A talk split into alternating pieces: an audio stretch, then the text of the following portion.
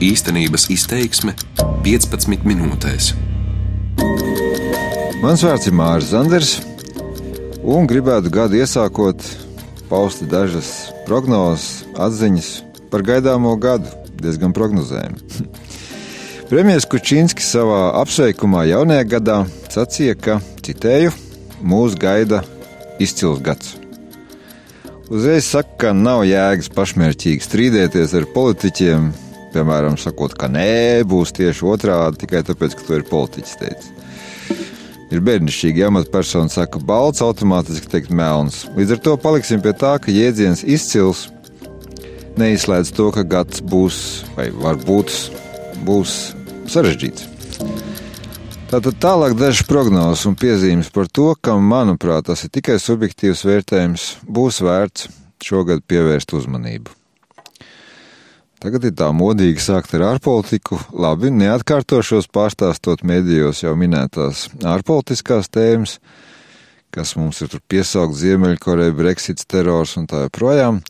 Par Ziemeļkoreju vien piebildīšu, ka, diemžēl, lai gan runa ir par reģionu, kas saka otrā pasaules malā, tur notiekošais mūs tiešām skar. Tiešām, lai, tā, lai gan tas ir ļoti tālu. Nezinu, vai pamanījāt, bet nu jau aizvadītā gada rudenī Rietumē Eiropā bija liels tracis par radioaktīvo rutēniju 106, kas it kā noplūdes kaut kur Urālos un atceļojas, ja tā drīkst teikt, pa gaisu līdz Eiropai. Nu, Urāla arī ir liels gabals. Līdz ar to, nu, kā lai saka, ja amerikāņi un ziemeļkorejieši sāks karot, nav gari jāpierāda, ka no šīs sabumbotās Ziemeļkorejas ne tas vien gaisā pacelsies un atnāks arī līdz mums. Līdz ar to, lai cik banāli tas skan, jācer, ka militāra konflikta tur nebūs, bet Ziemeļkoreja diemžēl tiešām būs aktualitāte. Bet tad ir divas tēmas Eiropā, par kurām runāts ir mazāk, lai gan tās, manuprāt, Latvijā mūs skar diezgan tieši. Pirmā ir uh, teiksim tā, ka var būt dažāda attieksme pret polijas pašreizējo valdību, nu, atkarībā no katra politiskiem uzskatiem. Tomēr skaidrs ir tas, ka šogad, šī gada ietvaros, ir jāpanāk kaut cik konstruktīvas attiecības starp Varšavu un Veco Eiropu, to skaitā nu, Briseles struktūrām, Eiropas komisiju un tā joprojām. Lieki teikt, ka domstarpības Eiropā ir bijušas un būs tomēr Polijas gadījumā tās nu ir sasniegušas līmeni, jo īpaši 17. gada ietveros, kas vairs nav tāda, nu, pikta bubināšana vai smīkņāšana.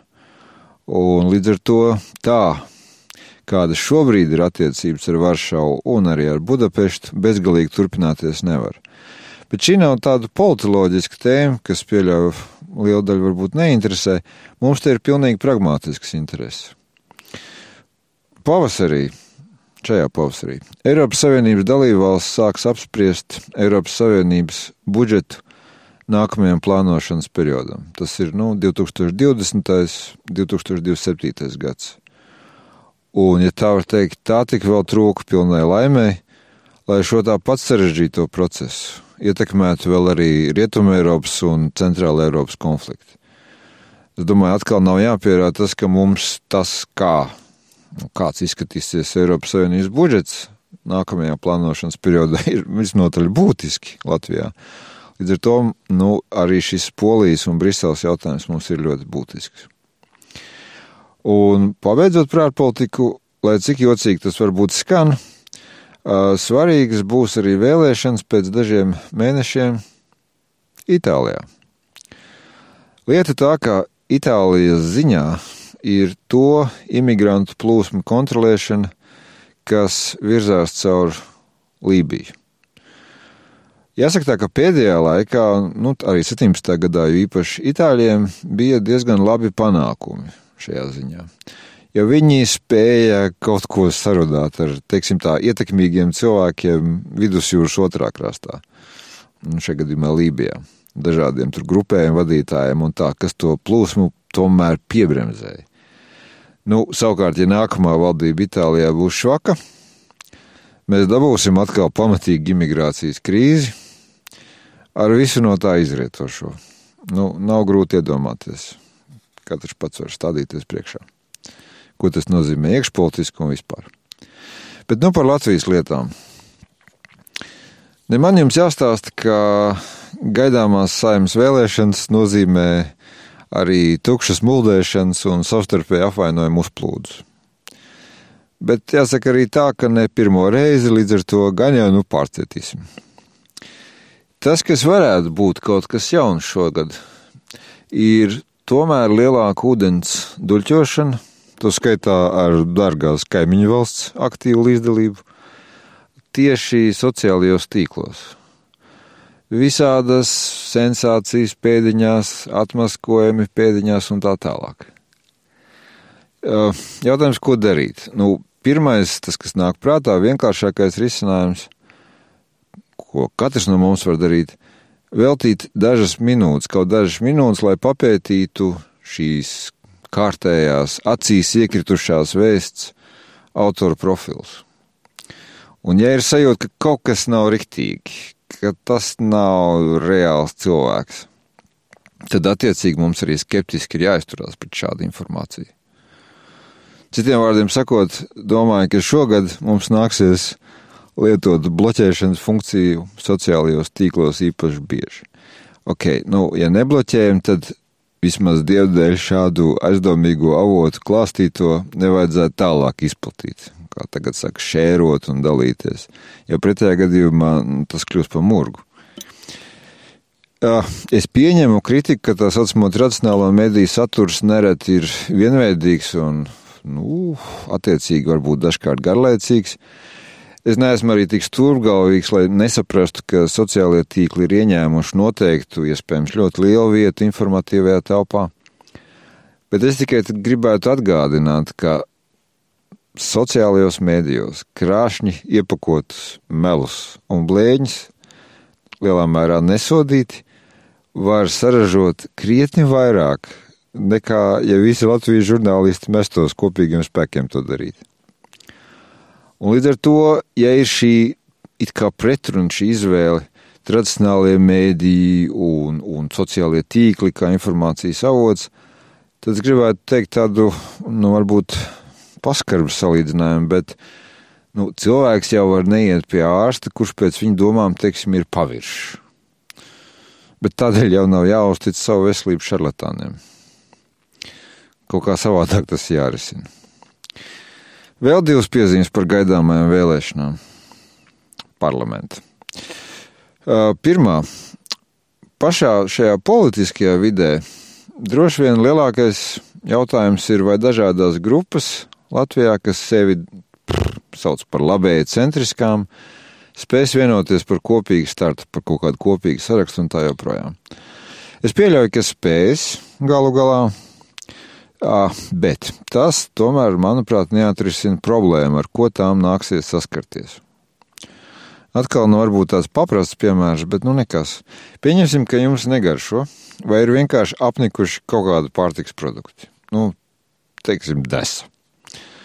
Un tad jums ceļ priekšā salātus, kuros, protams, ir arī dažādi citi garšīgi produkti, bet ir arī tā desa. Un var, protams, mēģināt to desu ķeksēt ārā un rasolēst. Bet nu, es man viegli iedomāties, ka būs cilvēki, kuri negribēs ar to noņemties, ar to ārā ķeksēšanu, vai šajā gadījumā, teiksim, svītrošanas sarakstos, kuri vienkārši gribēs citu ēdienu vai vienkārši izvēlēsies vispār neēst. Attiecīgi šiem mūsu politiskiem kulināriem šogad būs jāpapūlas pārliecināt, ka pēc nonākšanas rasolā desa ir mainījusi nu, ne tikai garšu, bet vispār tā ir kļūst ļoti veselīga. Vai tas izdosies grūti spriest? Un otrā tēze.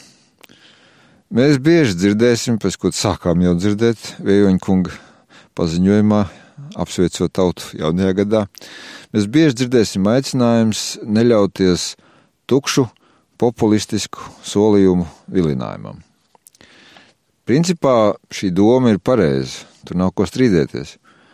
Tomēr man ir radusies tāda sajūta, ka vienlaicīgi tur ir kaut kāda arī būtiska nianse. Proti, ja runa ir par apgalvojumiem, ka var ātri atrisināt demogrāfijas vai ekonomikas struktūrāls problēmas, nu, ātri un žigli un nesāpīgi. Tad jā, tas ir populisms, protams. Savukārt, mēģināt piekārt populisma birku tēzei, ka ietekmes tirgotājiem un schēmotājiem ir jāsēž cietumā, ka ir nepieciešama asāka valsts rīcība. Lūk, pateikt, ka tas ir populisms, tas, manuprāt, ir nekorekti. Un līdz ar to ir uzmanīgi jāskatās, vai par populismu nemēģina un nemēģinās iztēlot to, kas vienkārši ir kādam pie varas esošajiem nērts. Ja runā par šiem kritizētājiem, tad, tad protams, protams, lielāko kritizētāju gadījumā vienmēr ir pamatots jautājums, nu kā tad viņi paši rīkotos, nonākot pie varas, un vai viņi solītos viņi paši spēs izpildīt. Un mēs, protams, esam daudzkārt pievilti.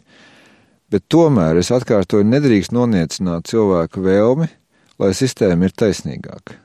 Ja mēs visu gudri pavīpsnājam un sakām, ka ir jārēķinās ar realitāti, ka tas nav iespējams, ka tas ir populisms prasīt taisnīgāku sabiedrību, tad ir skaidrs, ka šis realitātes, ar kuru jārēķinās, respektīvi jāsamierinās, jēdziens agrā vēlu kļūst tik plaši staipāms, ka slikti paliek. Vēl viena lieta, ok, tas nav tieši saistīts ar vēlēšanām, bet nu, daļēji, protams, ka skaidrs, ka šogad tiks intensīvi cilāt tā saucamo čekas maistēm. Jo, nu, tie bija jāatveras. Man šajā sakarībā ir divas tēzes atkal. Pirmā sakrita tā, ka šonadēļ, kad gatavoju šīs piezīmes, internetā, tātad ikvienam pieejams, parādījās, es domāju, daudziem zināmās, VDK izpētes komisijas rakstu jaunākais, ceturtais sējums. Apmēram tūkstoši lapusas bies. Un skaidrs, ka to lasīt cauri ir laiks retējam. Attiecīgi, mans aicinājums kolēģiem, nezinu, žurnālistiem, ekspertiem un tā joprojām mazāk atspoguļot, piedodiet par izteicienu, šo cepšanos par maisiem, bet vienkārši sēdēt, lasīt šo un līdzīgos ķieģeļus un akadēmisko tekstu pārtulkot sabiedrībai saprotamā valodā. Jo skaidrs vēlreiz, ka sabiedrība, lai kāda būtu liela interese par šo tēmu, viņi nelasīs tūkstotis lapas puses. Tas nozīmē, ka tas ir mediju un ekspertu korpusu darbs to normālā valodā izstāstīt, par ko ir runa. Un otrā tēze - negrasos par zemu novērtēt sarūktinājumu, ko var izraisīt ziņas šogad, ka tas vai cits sabiedrībā cienīts personāžs savulaik ir sadarbojies ar Čeku. Nē, nu, nu slikti, par ko vispār stāsts. Bet mums ir izauguši jauni izcili zinātnieki, dzēnieki un muzeķi. Attiecīgi nav arī tā, ka trieciens inteliģences gados vecākās daļas reputācijai nozīmēs, ka kaut kā mēs esam palikuši bez inteliģences. Mums ir un būs ar ko lepoties, mums ir un būs cilvēki, kur viedokļos ieklausāmies. Par laimi dzīve nestāv uz vietas. Tas ir tik vienkārši, bet man liekas, ka mēs to dažkārt piemirstam, kad ir līdz šīs lielās kaislības ap čekas maisiem. Noslēgumā būs cilvēki, kuri teiks, ka vispār pārāk daudz uzmanības šādām lietām, galvenais, lai būtu veselība un normāls darbs. Es piekrītu. Tomēr taisnība ir arī tā, ka veselība un sekmes darbā ietekmē tas, kas mums, kā saka, notiek galvā. Līdz ar to novēlējums neuzvilkties, nebojāt sev nervus, bet vienlaicīgi arī neignorēt mums apkārt notiekošo, mierīgi analizēt to, manuprāt, ir vietā. Darbības vārds īstenības izteiksmē izsaka darbību kā realitāti - tagadnē, pagātnē vai nākotnē vai arī to noliedz.